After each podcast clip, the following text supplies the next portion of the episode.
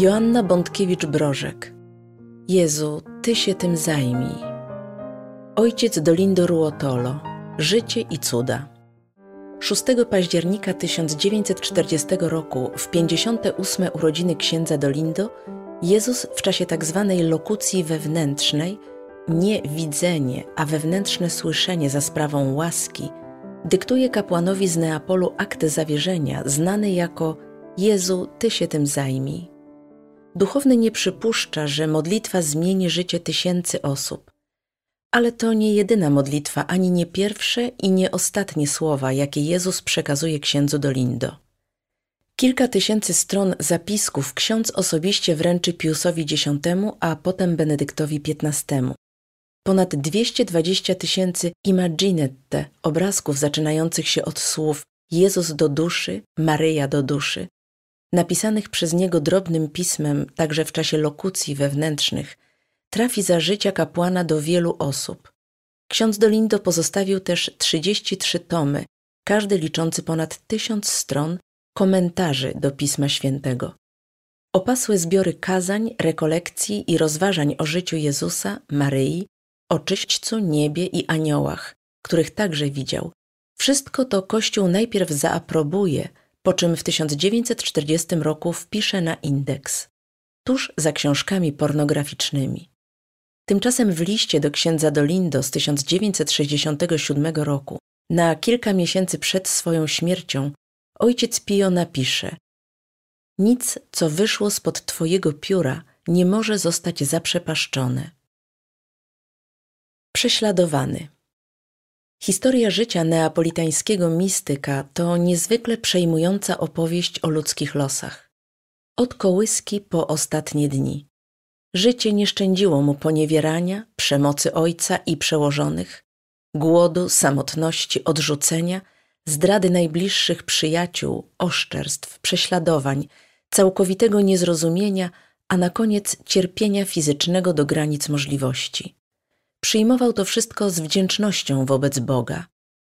W aktach procesu beatyfikacyjnego sługi Bożego czytamy: Pewnego dnia znaleźliśmy księdza Dolindo przed otwartym tabernakulum. Wyciągał rękę do góry, jakby chciał go dotknąć. Zanosił się płaczem, bo zakazali mu nawet przyjmować komunii. Pytał Jezusa z anielską wręcz adoracją: Czemu? Tak relacjonował w czasie przesłuchań ojciec Germano Ventura, pasjonista z domu generalnego w Rzymie, gdzie przez miesiące z nakazu świętego oficjum więziono księdza Dolindo. Neapolitańczyk jest w czołówce najbardziej prześladowanych i nękanych kapłanów w historii byłej inkwizycji. Zarzut? Udawanie świętości oraz głoszenie nowości w kościele. O co chodzi? Msza święta w języku narodowym, codzienna komunia oraz w Wielki Piątek, możliwość odprawiania dwóch mszy przez kapłana w ciągu jednego dnia, wreszcie apostolat kobiet jako konsekrowanych dziewic, których misję ksiądz Ruotolo nazywa dziewiczym kapłaństwem. Matka Boża użyła tego terminu, objawiając się kapłanowi.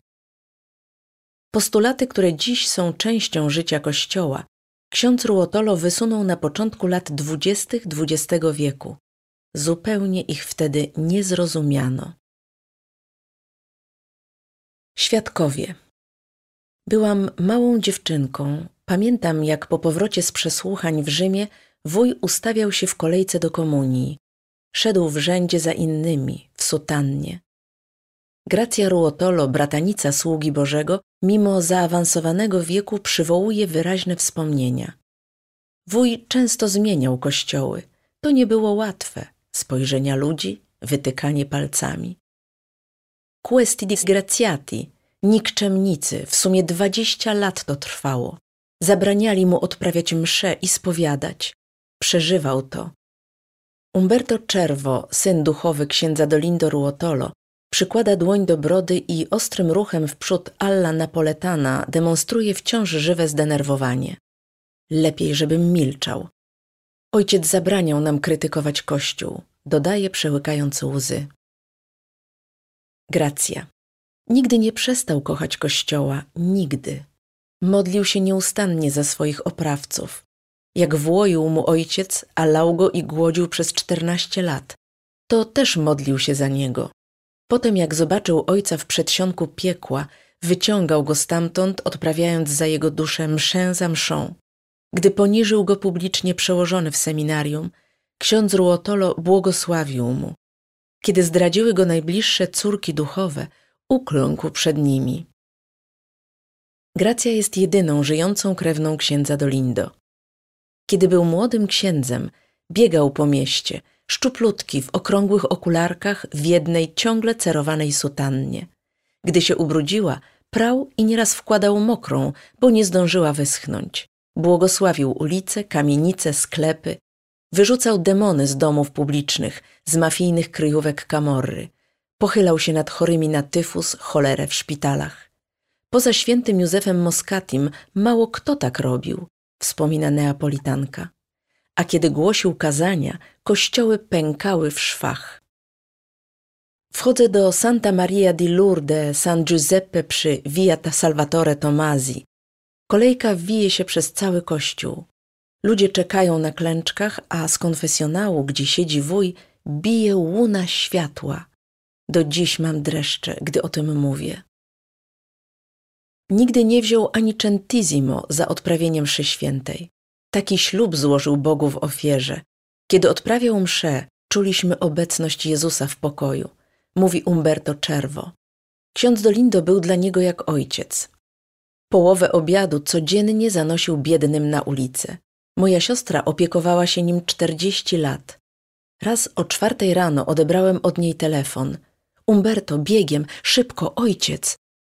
Zastaliśmy go pod łóżkiem. Był zziębnięty jak zawsze, bo też nigdy się nie przykrywał, nawet w zimie, żeby się umartwiać. Leżał pokiereszowany. Był tu znowu, wyjąkał. Wiedzieliśmy, o kogo chodzi. Diabeł nie dawał mu żyć. Anna z Maldone, córka duchowa kapłana, prawnuczka rodzonego brata świętego Józefa z Maldone. Najgorzej było pod koniec, kiedy ojciec pisał książkę o Matce Bożej. Demon powiedział mu: Zrobię wszystko, żebyś jej nie pisał. Przyślę ci tylu ludzi, że nie będziesz miał czasu, zamęczę cię. Ksiądz Ruotolo ostatnie dziesięć lat życia cierpiał fizycznie do granic możliwości. 1 listopada, w uroczystość wszystkich świętych, dostaje paraliżu połowy ciała. Nie rezygnuje jednak z aktywności. Dalej pisze, przyjmuje ludzi. Zgarbiony, o lasce, ma otwarte rany na nogach. W zarzuconym na plecy czarnym płaszczu przesuwa się ulicami Neapolu w rytmie odmawianych zdrowasiek. Kurczowo trzymał w ręce różaniec. Ręcznie robione przez niego drewniane paciorki obijały się o jego laskę. Z daleka było widać jego czarny, okrągły kapelusz. Zaczepialiśmy go. Hej, ojczulku, dokąd idziesz? Wspomina Rosaria, właścicielka sklepu z antykami przy Via Salvator Rosa 55. Miałam wtedy sześć lat. Ojciec Dolindo mieszkał tu nad sklepem taty przez ostatnie lata życia. Pamiętam, jak ciągnął za sobą torbę własnoręcznie uszytą ze skaju. Uginał się pod jej ciężarem. Dobiegałam do niego i chwytałam za jej uszy. Pomogę ci, ojczulku. Ale nie, stanowczo odmawiał. A co tam nosisz? pytałam. Kamienie, odpowiadał łagodnie. Marszczyłam brwi niedowierzając, a on na to Angioletto, to skarby dla zbawienia dusz, wyjaśniał głaszcząc mnie po głowie. Mówił do wszystkich aniołeczku. To natychmiast nastrajało dobrze do rozmowy, wspomina Anna z Maldone. Dostać się do ojca Dolindo graniczyło z cudem. Codziennie przed kamienicą przykrętej, pnącej się w górę Salvator Rosa stał wężyk ludzi. Biedota i bogaci, szewcy, bariści i znakomicie wykształceni profesorowie, politycy. Niektórzy się bali, bo wiedzieli, że czyta w ludzkich duszach, jak ojciec Pio. Nikomu nie odmawiał. Enrico Medi, słynny naukowiec, słuchał kazań księdza Dolindo na kolanach. Spowiadał się u niego co miesiąc, a przyjeżdżał z daleka. Relacjonuje jedna z sióstr ze zgromadzenia sióstr franciszkanek niepokalanej. Jak setki innych osób, wielu trafiało tu prosto z San Giovanni Rotondo. Ojciec Pio niemal ich wyrzucał. Po co tu przyjeżdżacie? Macie w Neapolu świętego kapłana, do niego idźcie, śmieje się zakonnica.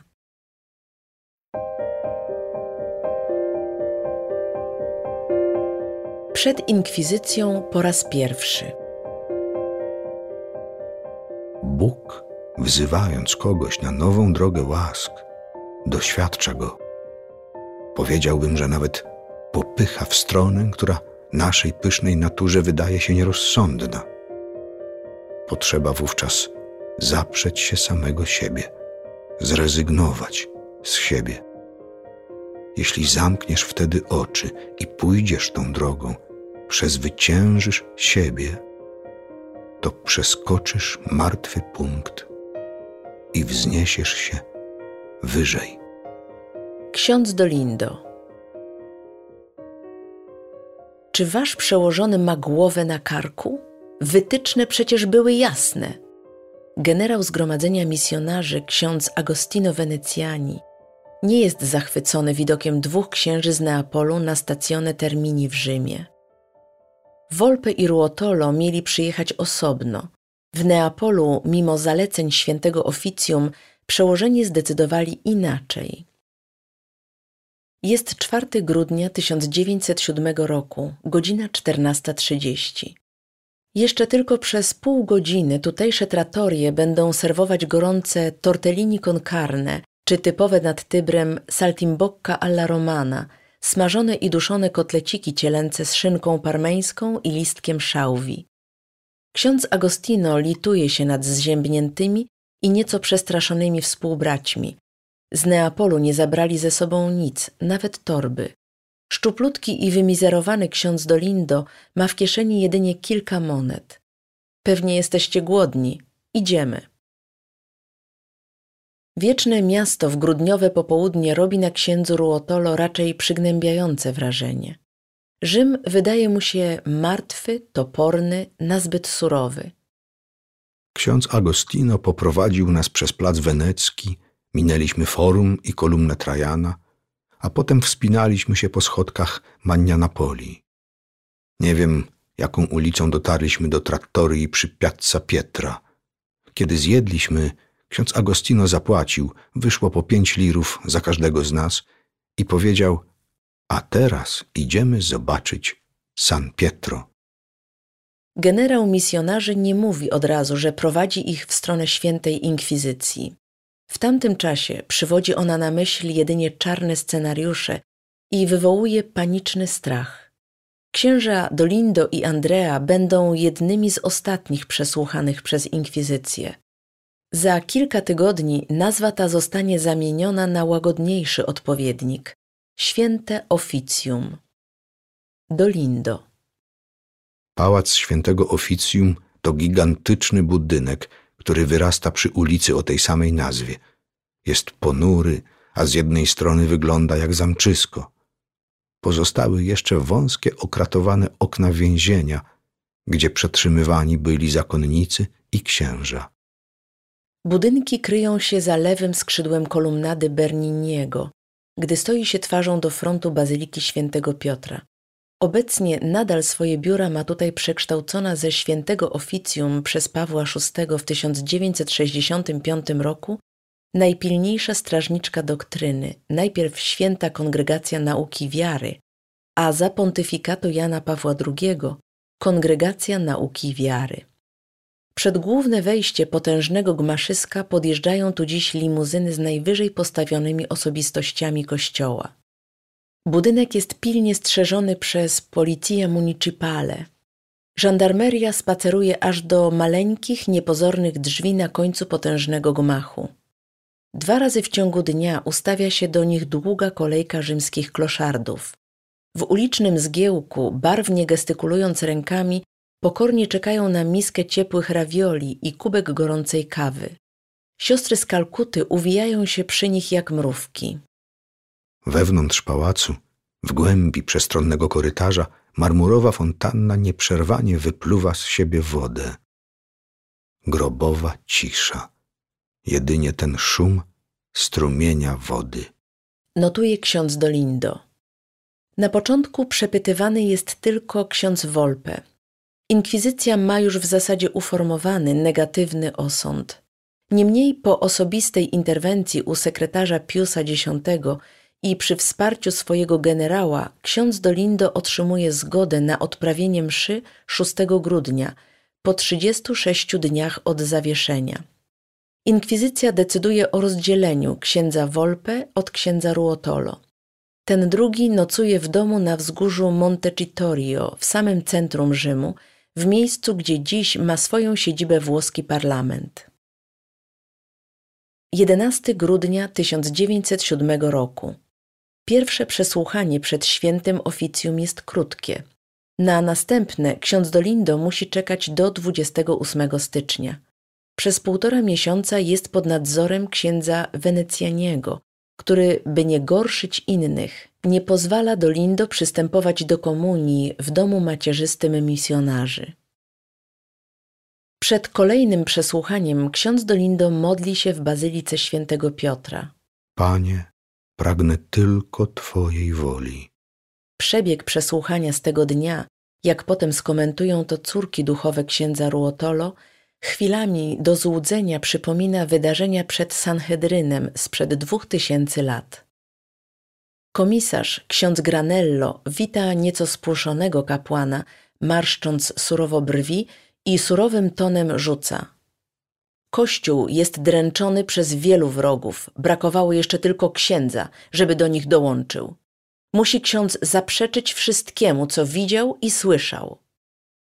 Jestem gotów to zrobić, jeśli eminencja zapewni mnie, że przeczytał i zbadał wszystko i potępia wydarzenia po wnikliwym przestudiowaniu ich dokumentacji. Odpowiada ze spokojem ksiądz Dolindo. A cóż według księdza powinienem badać?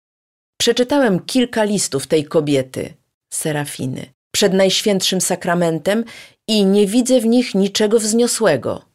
Musi ksiądz podpisać dokument, w którym oświadczy, że kobieta ta jest zła i przewrotna. Komisarz podsuwa przesłuchiwanemu plik dokumentów. Eminencjo, listy tej kobiety nie są dziełem Bożym, ale może nim być działanie Boga przez nią. Jeśli musiałby ksiądz stwierdzić, czy dana góra jest z gliny czy z granitu, nie wystarczyłoby spojrzeć na kamyczki u jej stóp, ale trzeba by dostać się do wnętrza. Nie mogę podpisać, że ta kobieta jest osobą złą i przewrotną. To byłoby niezgodne z moim sumieniem. Odpowiada ksiądz Dolindo. Komisarz obrzuca Neapolitańczyka gniewnym spojrzeniem.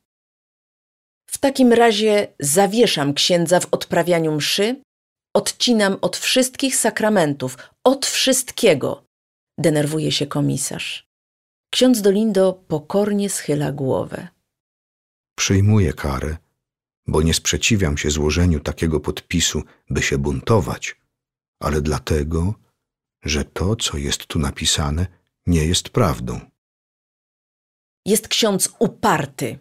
Skończyłem i żegnam. Komisarz energicznie zamyka teczkę z dokumentami, odsuwa krzesło i nie zwracając już uwagi na kapłana, kieruje się do wyjścia z sali przesłuchań. Ksiądz Ruotolo pada wtedy na kolana, usiłuje go zatrzymać. Ekscelencjo, proszę nie wychodzić. Bóg powierzył księdzu misję ratowania ludzkich dusz, a nie zatracania ich. Jeśli jestem na złej drodze, musi mi ksiądz to powiedzieć, wskazać błędy, poprawić i pomóc mi wejść na właściwą ścieżkę. Przysięgam na serce Jezusa, że mam czyste intencje. Nie jestem uparty, ale wykonuję swoją powinność. Komisarz zatrzymuje się. Wyraźnie waha. Jest pod wrażeniem słów księdza Ruotoli. Wraca na miejsce. No dobrze. To niech ksiądz mi opowie coś więcej na temat tego, co wie i co się wydarzyło. Mówi już dużo łagodniejszym tonem. Na zakończenie przesłuchania prosi, by wszystko to przedstawić świętemu oficjum na piśmie. Nie cofa jednak swojej decyzji o zawieszeniu we wszystkich czynnościach kapłańskich, nawet zakazu przystępowania do komunii. Po powrocie na Montecitorio ksiądz Ruotolo spędza długie godziny na adoracji. Tego nikt nie może mu zabrać. 9 i 10 lutego ksiądz Dolindo dostarcza opis wydarzeń związanych z Serafiną świętemu oficjum, a trzy dni potem otrzymuje pozwolenie na przystąpienie do spowiedzi i komunii świętej. Neapolitańczyk pisze natychmiast do komisarza oficjum krótką notę. Albo jestem winny, albo nie. Jeśli jestem winny, czemu zwalnia mnie ksiądz z części kary? Jeśli niewinny, czemu nadal jestem zawieszony w odprawianiu mszy? W odpowiedzi przychodzi nakaz natychmiastowego skierowania kapłana na badania psychiatryczne. Doktor De Sanctis stwierdza całkowitą jasność umysłu księdza Dolindo i pełne zdrowie psychiczne. Przy wyjściu z gabinetu, a wizyta ta jest dość poniżająca dla kapłana, ksiądz Dolindo zwraca się do księdza Wenecjaniego. Prawdę mówiąc, jestem zadowolony, że potraktowaliście mnie jak szaleńca i niespełna rozumu, tak jak potraktowano Jezusa. To przynosi mi ulgę. Ksiądz Wenecjani wścieka się, próbuje zmusić księdza Dolindo do powrotu do gabinetu i nalega na kolejne badania. Ty jesteś wariatem, zwraca się do Ruotoli. Kapłan odwraca się i pewnym krokiem wychodzi na ulicę. Jeszcze tego samego dnia długo rozmawia ze spowiednikiem, a po tej konsultacji ksiądz Ruotolo szybko orientuje się, w czym rzecz. Chodzi o to, by zamknąć go na jakiś czas w szpitalu psychiatrycznym, co ostatecznie potwierdzi sam lekarz. Takie dostał sugestie. Ksiądz Wolpe także zostaje zawieszony, jednak w jego przypadku sprawa się komplikuje, ponieważ lekarz uznał go za religijnego paranoika. W kwietniu 1908 roku ksiądz Dolindo nakazem przełożonych wraca do Neapolu, gdzie słyszy, że święte oficjum nakazuje wydalić go ze wspólnoty. Odsyłamy wam księdza Ruotolo, czytamy w piśmie skierowanym z Rzymu do przełożonych misjonarzy w Neapolu. Macie własne prawo i reguły, sami go osądźcie. Nie napisano, że macie mnie wyrzucić, a sami rozeznać i osądzić. Próbuje się bronić kapłan. Zderza się jednak z murem. Ksiądz Dolindo chce być posłuszny złożonym ślubom. Decyzja przełożonych nie ma żadnego uzasadnienia. Ksiądz Ruotolo tłumaczy. Przed posłuszeństwem księdzu jestem posłuszny Bogu. Święty Tomasz z Akwinu mówił, by najpierw być posłusznym Bogu, a nie człowiekowi. Złożyłem śluby wieczyste i nie mogę ich złamać. Muszę być posłuszny Bogu za cenę śmierci i pozostać wiernym ślubom, także za taką cenę.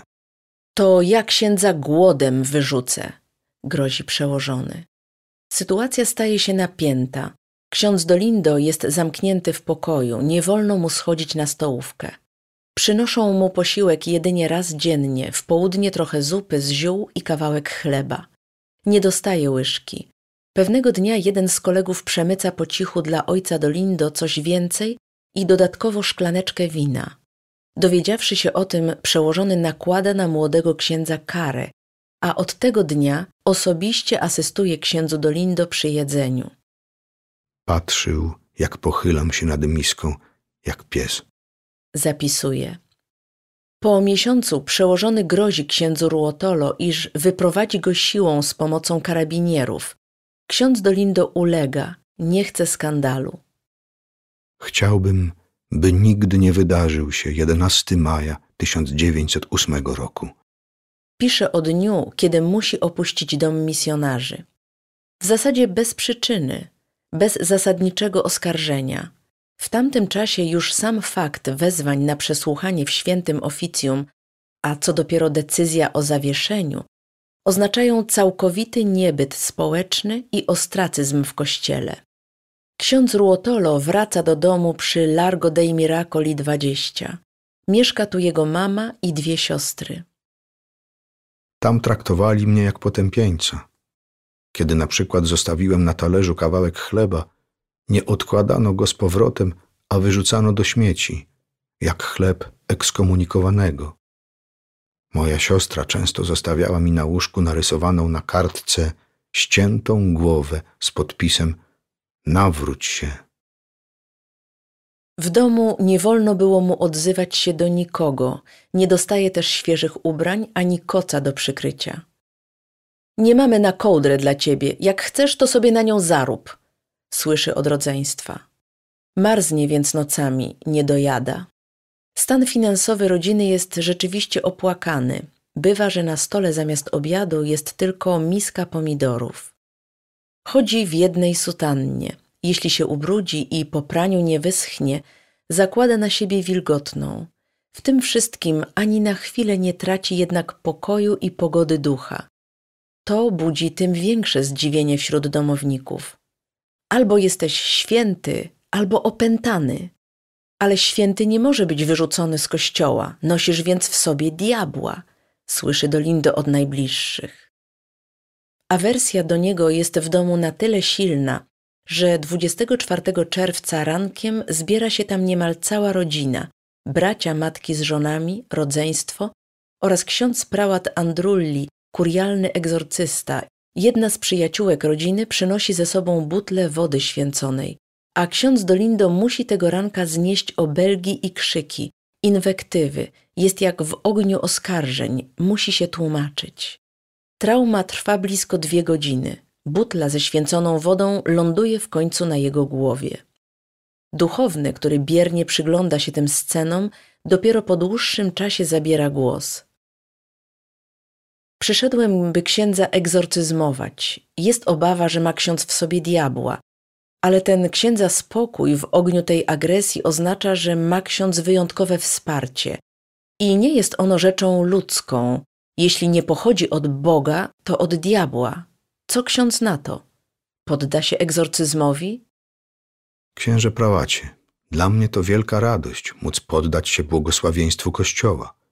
Cieszę się, że jako przedstawiciel Kościoła wykona ksiądz nade mną egzorcyzm. Jednakże musi ksiądz wykonać go sam – a nie z pomocą mojej matki, która jest kobietą, czy pozostałych, którzy powinni opuścić ten pokój. Prałat Andrulli przystaje na to. Zostają sami. Ksiądz Ruotolo klęka, a prałat odmawia nad nim modlitwy. Czyta fragment Ewangelii świętego Jana. Czułem w duszy, jak ogarnia mnie wielki pokój i namaszczenie. Usłyszałem, jak Pan mówił do mnie – ja jestem. Nie bój się. Idź dalej aż do końca. Na koniec ksiądz Dolindo zwraca się do egzorcysty. Gdybym był opętany demonem, nie odczuwałbym takiego pokoju.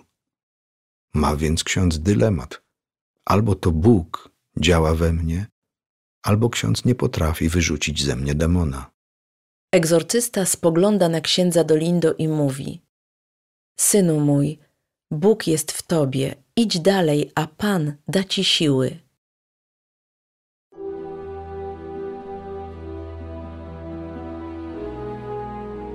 Epidemia apostazji. Świat współczesny nie wierzy w diabła, ale boleśnie jest z nim w ciągłym kontakcie i stał się jego niewolnikiem. Ksiądz Dolindo. Kiedy wszyscy opuścili dom Ruotolich, Dolindo podszedł do matki i powiedział: Dziękuję ci za to wszystko, bo takiego argumentu brakowało mi, by dowieść, że to początek dzieła Boga. Niestety argument ten nie trafia do rodziny Dolindo. Matka będzie dalej ściągać do domu księży, by nawrócili jej syna. Zrobię wszystko, by Rzym skazał cię oficjalnie, wtedy może wreszcie się poddasz, mówi do syna. Wydaje się, że dotrzyma obietnicy, nakręcając tym samym spiralę kolejnych tragicznych i absurdalnych wydarzeń. Sylwia jest przekonana, że jej syn razem z księdzem Volpe oraz Serafiną tworzą sektę. Bez oporów więc zgłasza na policję fakt istnienia rzekomej nielegalnej organizacji, do której należy jej Dolindo.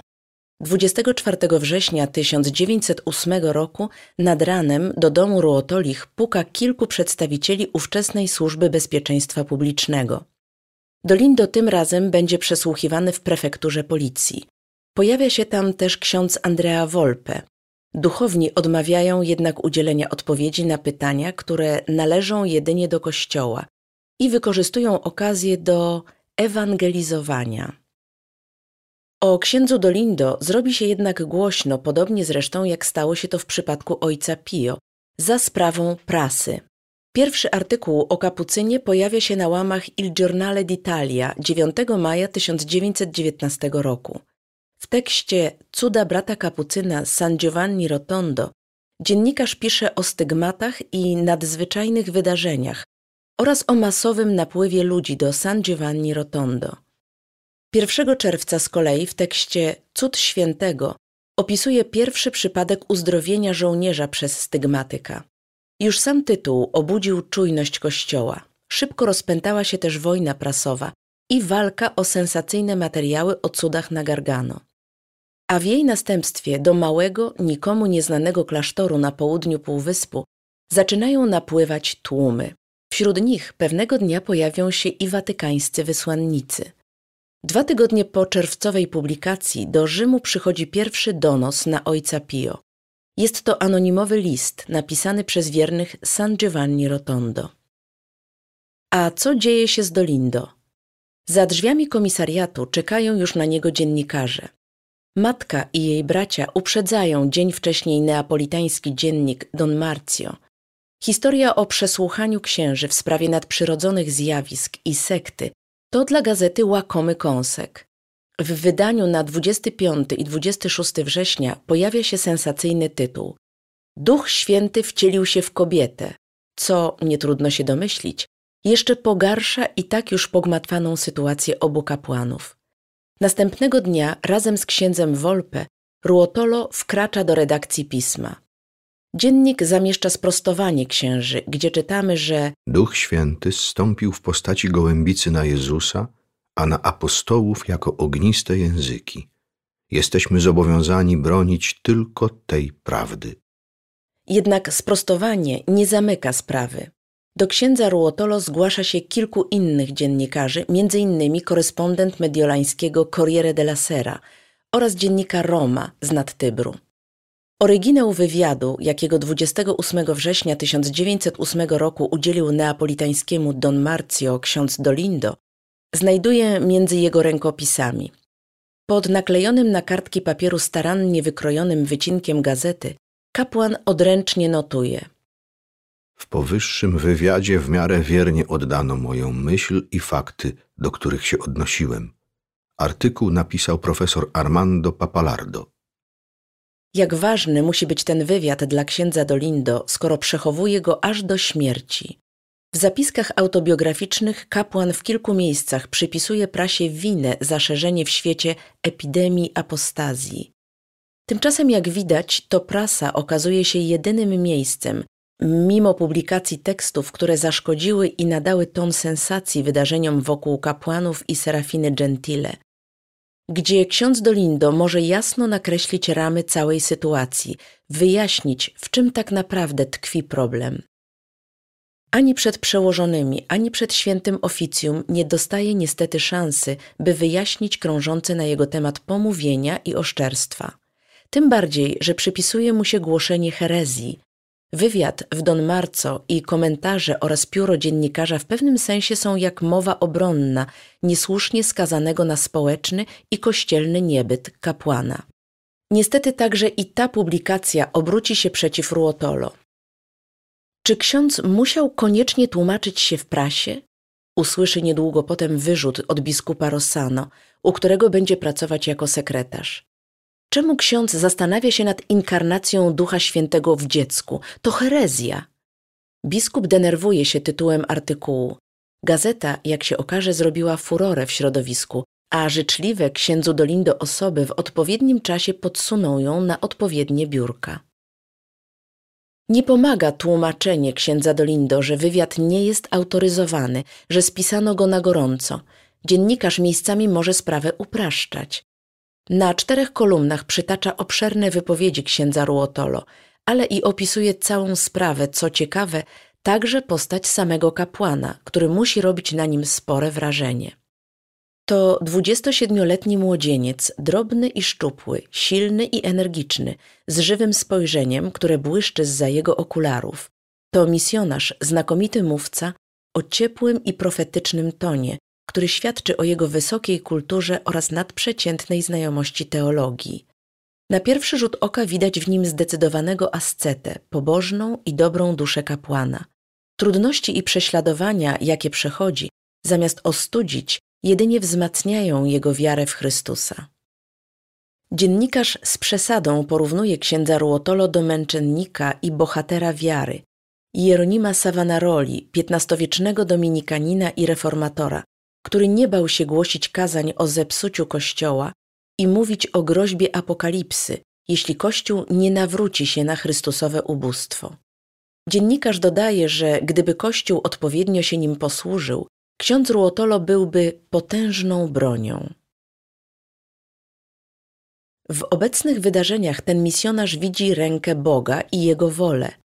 Jednym słowem, przebywanie w obecności księdza Dolindo Ruotolo i słuchanie go jest prawdziwie budujące także dla świadomości głęboko katolickiej. W tym tekście widać bardzo wyraźnie, jak trudnej sprawie musiał stawić czoło ksiądz Dolindo. Prawdę mówiąc, musiał się z tym także zmierzyć Kościół. Misjonarz podkreśla najpierw, że bez względu na wszystko Serafina w jego opinii jest osobą świętą, a jej życie jest na tyle przykładne, że mogłoby być wzorem dla niejednego najbardziej gorliwego katolika. Od sześciu lat kobieta ta nie je niczego poza komunią. Jest prawdą, iż w historii Kościoła takich przypadków jest sporo. Chodzi o tak zwany post eucharystyczny, którego doświadczają wybrane przez Boga osoby. Przez lata nic nie jedzą i nie piją, bo ich organizm naturalnie odrzuca nawet wodę. Przyjmują jedynie komunię świętą. Jedną z pierwszych osób, która doświadczyła postu eucharystycznego, jest wieśniaczka Alpe, która żyła na początku XIII wieku we Francji. Nie jadła nic oprócz Jezusa sakramentalnego. To było także doświadczenie świętej Katarzyny ze Sieny. Znana jest też postać świętego Mikołaja z Flu w Szwajcarii, który żył pod koniec XV wieku. Współcześnie najgłośniejsze są przypadki francuskiej mistyczki Marty Robin, portugalskiej dziewczynki Aleksandriny da Costa i Teresy Neumann. Sprawą Serafiny Gentile przez długie lata zajmowało się także święte oficjum, co ostatecznie ustaliło można znaleźć w watykańskich archiwach. W autobiografii Neapolitańczyk nie pisze o dalszym losie kobiety, ponieważ w pewnym momencie całkowicie odciął się od jej sprawy. Ale wróćmy do rozmowy z dziennikarzem. Jak ojciec może być tego pewien? dopytuje dziennikarz. Ponieważ razem z kilkoma księżmi poddaliśmy ją dłuższej i pilnej obserwacji. Jej organizm nie podlega żadnym prawom natury. Zaspokaja pragnienie wodą, która pozostaje w niej, nie jest w żaden sposób wydalana. Serafina żyje w najświętszym sercu Jezusa, z którym komunikuje się w momentach ekstazy, wtedy też prorokuje. Teraźniejszość, przeszłość i przyszłość nie istnieją dla niej. W trwających godzinami ekstazach ta prosta kobieta mówi najbardziej zawiłym językiem teologów, którzy na jej widok wychodzą głęboko zdumieni. Odpowiada ksiądz Dolindo. A co powie ksiądz o dziecku, które towarzyszy Serafinie i w które wcielił się Duch Święty? dopytuje dziennikarz. To jest absolutna herezja, której nigdy nie pozwoliłem sobie powiedzieć. Duch Święty może przez to dziecko działać, co jest zupełnie inną sprawą, objawić się tak, jak to się stało nad Jezusem w formie gołębicy. Odpowiada zdecydowanie ksiądz Dolindo. Chłopczyk, który towarzyszy Serafinie, wieśniaczka dostaje go pod opiekę, jak twierdzi, od kobiety, która przedstawia się jako karita, miłość. Istotnie jest zjawiskiem niewytłumaczalnym i musi mieć pozaziemską misję. Mimo swoich sześciu lat pozostaje na poziomie czteroletniego dziecka, nie je i nie pije jak Serafina. Gdziekolwiek się pojawi, tam rozchodzi się piękny zapach kwiatów, a ludzie doznają pocieszenia. Chłopczyk ponoć przemawia jak siedmioletni Jezus w świątyni. Kiedy rozkazuje ptakom, zatrzymują się. Czasami znika na długie godziny czy dni, i pojawia się w nieoczekiwanym momencie. Kilka osób próbuje sfotografować dziecko, jednak na wszystkich negatywach wychodzi biała plama. Bardzo podobny przypadek wydarzył się całkiem niedawno w życiu sługi Bożej zwanej Natuccą z Kalabrii. Ta prosta kobieta nosiła rany Chrystusa, nazywana jest we Włoszech ojcem Pio w spódnicy. Tysiące osób nawracało się przy niej na życie sakramentami. Kiedy była mała i błąkała się po ulicach z rodzeństwem, bezdomna i niedożywiona, zjawił się chłopczyk, który bawił się z nią i towarzyszył jej w trudnych momentach życia. Chłopczykiem tym był sam Jezus. Kościół stwierdził heroiczność cnót kobiety. Jej proces beatyfikacyjny jest w toku. Zapytany przez dziennikarza, co to wszystko może oznaczać, ksiądz Dolindo odpowiada, że nie do niego należy ocena tych wydarzeń, ale Pan Bóg może działać na różne sposoby. I być może to jakaś nowa droga, że chce zreformować ab imis pełną pychy i grzechu ludzkość. Dziennikarz dopytuje się także o inny przypadek, z którym ma do czynienia ksiądz Ruotolo. Chodzi o historię małej Margerity Specy z Taranto, wokół której także dzieją się nadnaturalne zjawiska. W jej przypadku, jak twierdzi ksiądz Dolindo, po kilku przesłuchaniach w Rzymie święte oficjum wypowiada się pozytywnie. Na kolejne pytanie, czy jednak w przypadku Serafiny nie można mówić o tak zwanym medium spirytystycznym czy autosugestii, ksiądz Ruotolo odpowiada ze znakomitą znajomością psychologii, ale także teologii. Wyklucza autosugestię, gdyż Serafina wpada w stan ekstazy przed Najświętszym Sakramentem oraz na przywołanie imienia Boga. Nie jest wcześniej poddana ani hipnozie, ani w jej następstwie katalepsji. Dopytywany o przebieg przesłuchań przed świętym oficjum, ksiądz Dolindo ogranicza się do stwierdzenia, że Trudno sobie wyobrazić, jaką moralną walkę trzeba tam stoczyć między posłuszeństwem doktrynie a ludzkim sumieniem. co zatem dalej, dopytuje dziennikarz. We wszystkim ostateczny osąd wyda Kościół i Ojciec Święty Pius X. Odpowiada ksiądz Dolindo. Rok później na łamach Don Marzio oraz Corriere d'Italia ukaże się oświadczenie księdza Ruotolo, w którym kapłan napisze między innymi Teraz, kiedy Kościół Święty ma już w rękach wszystkie dokumenty dotyczące sprawy Serafiny Gentile, całkowicie oddaje się w jego ręce, poddając się bezgranicznie jego woli i osądowi. Przypominając, że od półtora roku jestem zawieszony a divinis i wyrzucony poza wspólnotę, całkowicie oddaję się do dyspozycji Kościoła. Wyznaję moją szczerą wiarę w katolicki, apostolski, rzymski Kościół i posłuszeństwo. podpis Ubogi sługa ksiądz Dolindo Ruotolo, kapłan misji. Sytuacja kapłana tak naprawdę cały czas jest niejasna. Nie ma bowiem oczywistej decyzji świętego oficjum, które długo nie wraca do sprawy, cedując jej rozstrzygnięcie na bezpośrednich przełożonych księdza Dolindo w Neapolu. Jedna osoba, pewnie bardziej kierując się strachem przed reakcją społeczną niż rozsądkiem, decyduje o odebraniu duchownemu szans na wyjaśnienia. W zapiskach autobiograficznych widać, jak ksiądz Dolindo, który nie widzi życia poza kapłaństwem, cierpi. Przyjmuje wydarzenia jako wolę Bożą, ale wydaje się po ludzku zdezorientowany. Nie ma w nim jednak rysu buntownika. Jest poniewierany przez najbliższych w domu, chodzi niedożywiony i zmarznięty. Dużo się modli i każdy trud oddaje Bogu. Przez kilka miesięcy mieszka i pracuje u dość dobrze sytuowanego kuzyna w Neapolu, producenta rękawiczek. Najpierw w zamian za talerz spaghetti ksiądz uczy kuzyna śpiewu. Po pewnym czasie, widząc w Dolindo potencjalne źródło zysku, kuzyn wywiera na niego nacisk, by napisał kilka muzycznych partytur, które kuzyn może sprzedać za dobrą cenę. Początkowo niechętny takiej transakcji Dolindo daje się przekonać, mając nadzieję, że tym samym pomoże matce wybrnąć z pogarszającej się dramatycznie sytuacji finansowej. Wszystko jednak kończy się fiaskiem, a ksiądz Dolindo musi odpracować zainwestowane przez kuzyna w dróg pieniądze. Sprząta więc jego dom. Stałem się jego niewolnikiem. Kto w życiu ucieka przed jednym krzyżem, natrafia zawsze na kolejny, tym razem dużo cięższy. Pisze. Ten wątek tylko z pozoru wydaje się nieistotny. W domu kuzyna cyklicznie odbywają się seanse spirytystyczne. Wywoływanie duchów, wtedy niezakazane, czy też raczej nierozsądzone przez Kościół, jest w wielu miejscach czymś zwyczajnym. Zakaz uczestniczenia kapłanów w takich seansach podpisze dopiero kilka lat później, dokładnie 26 kwietnia 1917 roku, papież Benedykt XV.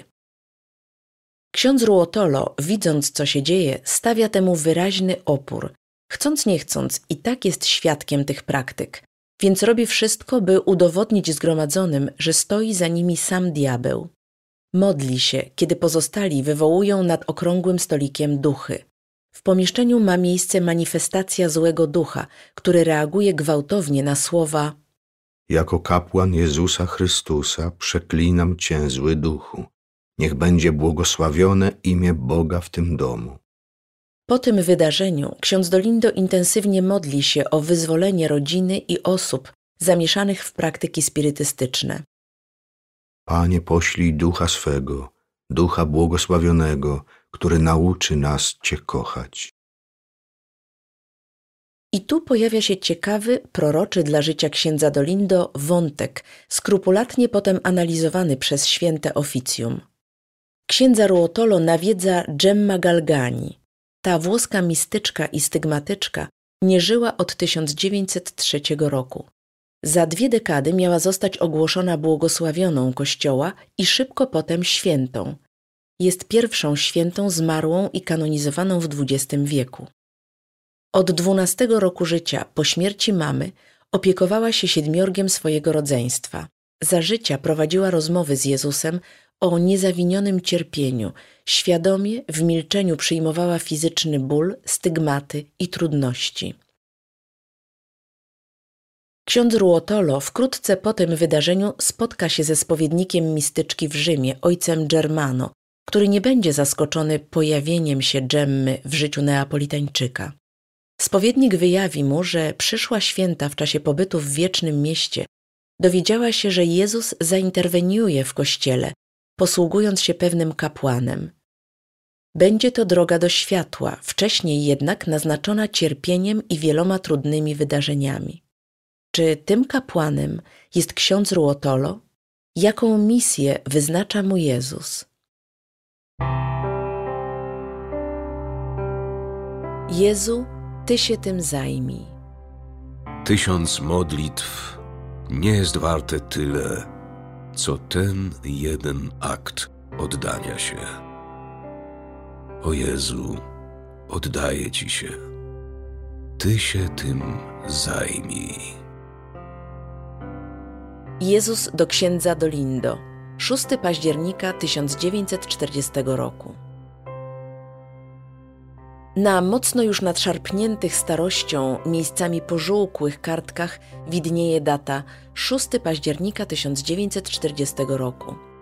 Dokładnie 58 urodziny księdza Ruotolo. Akt zawierzenia, będę go jednak nazywać aktem oddania się Bogu, powstaje dokładnie miesiąc przed tym, jak Stolica Apostolska wpisze dzieła księdza Ruotolo na indeks ksiąg zakazanych. Akt jest w oryginale częścią listu do jednej z córek duchowych księdza Ruotolo, Eleny Montelli. Szczegół ten jest niezwykle istotny dla właściwej interpretacji tej modlitwy. Elena ma wówczas 43 lata, należy do najbliższego grona księdza Dolindo, a w całym dziele wydaje się najważniejszą osobą, która ofiaruje się za bolesną naprawę Kościoła. Elena jest od dzieciństwa chorowita, nigdy nie bawi się z rówieśnikami. Rodzina ze względu na jej zły stan zdrowia w zasadzie spełnia wszystkie jej zachcianki. Niełatwo było ją do czegokolwiek przekonać. Pisze ksiądz Dolindo. Jest dość oschła w kontaktach z ludźmi, zdystansowana, odrzuca czułość, ale jest bogobojna. Ksiądz Ruotolo spotyka ją po raz pierwszy w domu zaprzyjaźnionej z księdzem Dolindo rodziny La Rover 27 maja 1917 roku w zesłanie Ducha Świętego, w dniu, kiedy Montella przyjmuje sakrament bierzmowania. Elena była niczym zdewastowana łąka. Zaczęła żyć radością, świętą radością. Niestety jej rodzice, widząc nagłą zmianę Eleny, jej nawrócenie i koncentrację na Bogu po spotkaniu z księdzem Dolindo, przyjmują ten fakt jako akt odrzucenia i obojętności wobec nich samych. Jej miłość do ubóstwa, rezygnację z fikuśnych strojów i przesadnej biżuterii traktują jako wyraz jej niechlujstwa, a pragnienie życia słowem Boga jako fantazję. Rodzina więc wzbudza w niej ciągły zamęt – Dziewczyna przeżywa psychiczne udręki, ale przy ojcu Dolindo pogłębia się jej życie duchowe do tego stopnia, że oddaje się w pełni jako ofiara, by współuczestniczyć w męce Chrystusa za Kościół, Jego grzechy, za grzesznych kapłanów oraz za inne dusze błądzące. Elena staje się tym samym bliska misji ojca Pio, który zresztą nie tylko ją zna, ale i stawia za przykład. Co ciekawe, ksiądz Dolindo, znany ze swojej delikatności, traktuje Elenę chwilami ostro. W formacji dusz, które powierzał mi Jezus, nie tolerowałem żadnego przejawu słabości w głoszeniu wiary katolickiej. Dlatego też pewnego razu, kiedy Elena nie zareagowała w szkole na wypowiedź jej wykładowcy filozofa, który szerzył swoje idee i ateizm, ostro ją upomniałem za brak odwagi do publicznego wyznania wiary. Elena nadal choruje, teraz już inaczej, bóle fizyczne ofiaruje Chrystusowi. Ulgę odczuwa tylko w Jego obecności w czasie adoracji lub po komunii. Jej ostatnie dni i agonia w październiku 1967 roku są autentyczną męką ponad ludzkie siły. Przez ostatnie tygodnie nie przyjmuje nic poza Jezusem sakramentalnym. Z relacji córek duchowych księdza Ruotolo, jak choćby zapisków Niny Scotti, wynika, że dzięki Elenie i jej oddaniu się Bogu wielu ateistów i masonów przeszło na katolicyzm. Akt oddania Jezu, Ty się tym zajmij powstaje w trakcie pisania przez księdza Dolindo listu do Eleny. Ksiądz Ruotolo siedzi jak zawsze pochylony nad kartką papieru. Nanosi pierwszą stronę, ale czuje nagle przymus napisania słów Jezusa. Czy dzieje się to w czasie lokucji wewnętrznej? Świadkowie, z którymi rozmawiam w Neapolu twierdzą zgodnie, że ksiądz Dolindo Jezusa widzi, ale nie ma na to niezbitego dowodu. To, co za chwilę naniesie czarnym atramentem, na pewno nie jest jego zwykłą intuicją, podszeptem serca. Ksiądz Dolindo słyszy Jezusa.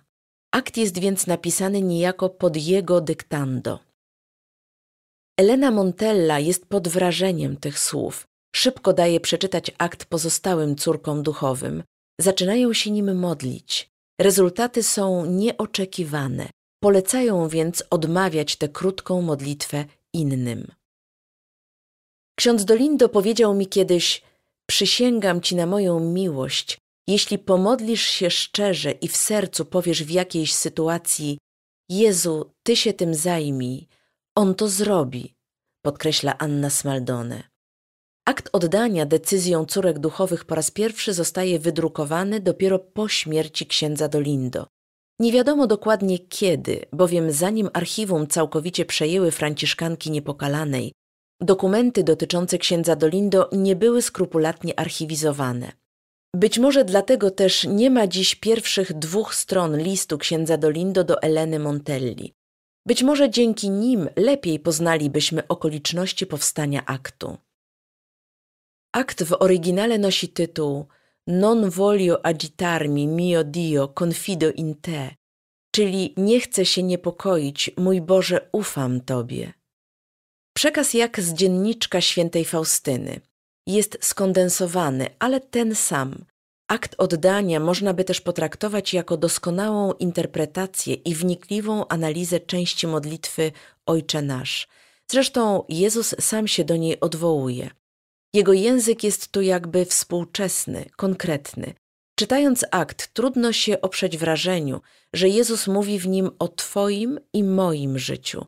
Przesłanie jest takie: jeśli dręczy Cię coś, przeżywasz dramat, zamknij oczy i oddaj mi wszystko.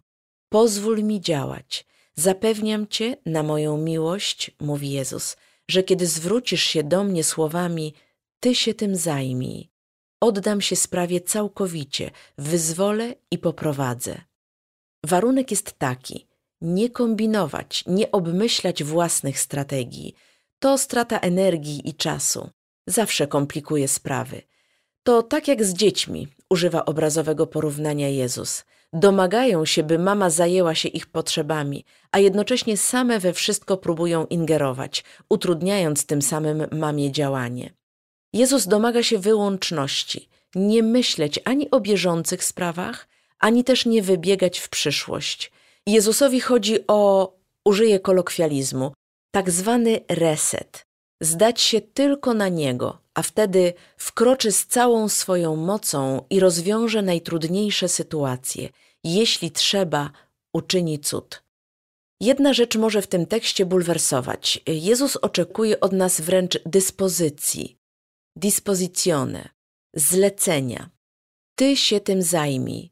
To ma być wyraźna i zdecydowana dyspozycja, a nie subtelna i bojaźliwa prośba. Przejmująca jest obietnica Jezusa. Daję Ci słowo na moją miłość, że się wszystkim zajmę. Modlitwa kończy się słowami: Tysiąc modlitw nie jest warte tyle, co ten jeden akt oddania się. Zapamiętaj to dobrze. Nie ma bardziej skutecznej nowenny niż ta.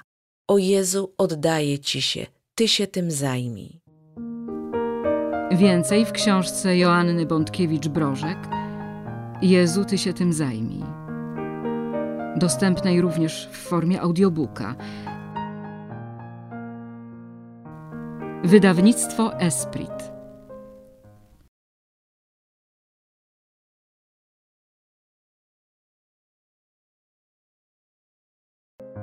Joanna Bątkiewicz-Brożek Jezu, Ty się...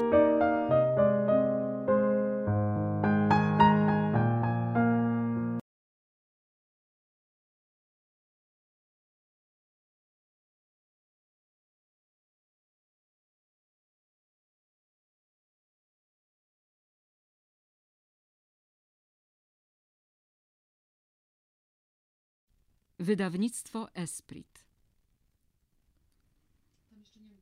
Joanna Bątkiewicz-Brożek Jezu, Ty się tym zajmij. Ojciec Dolindo Ruotolo Życie i cuda.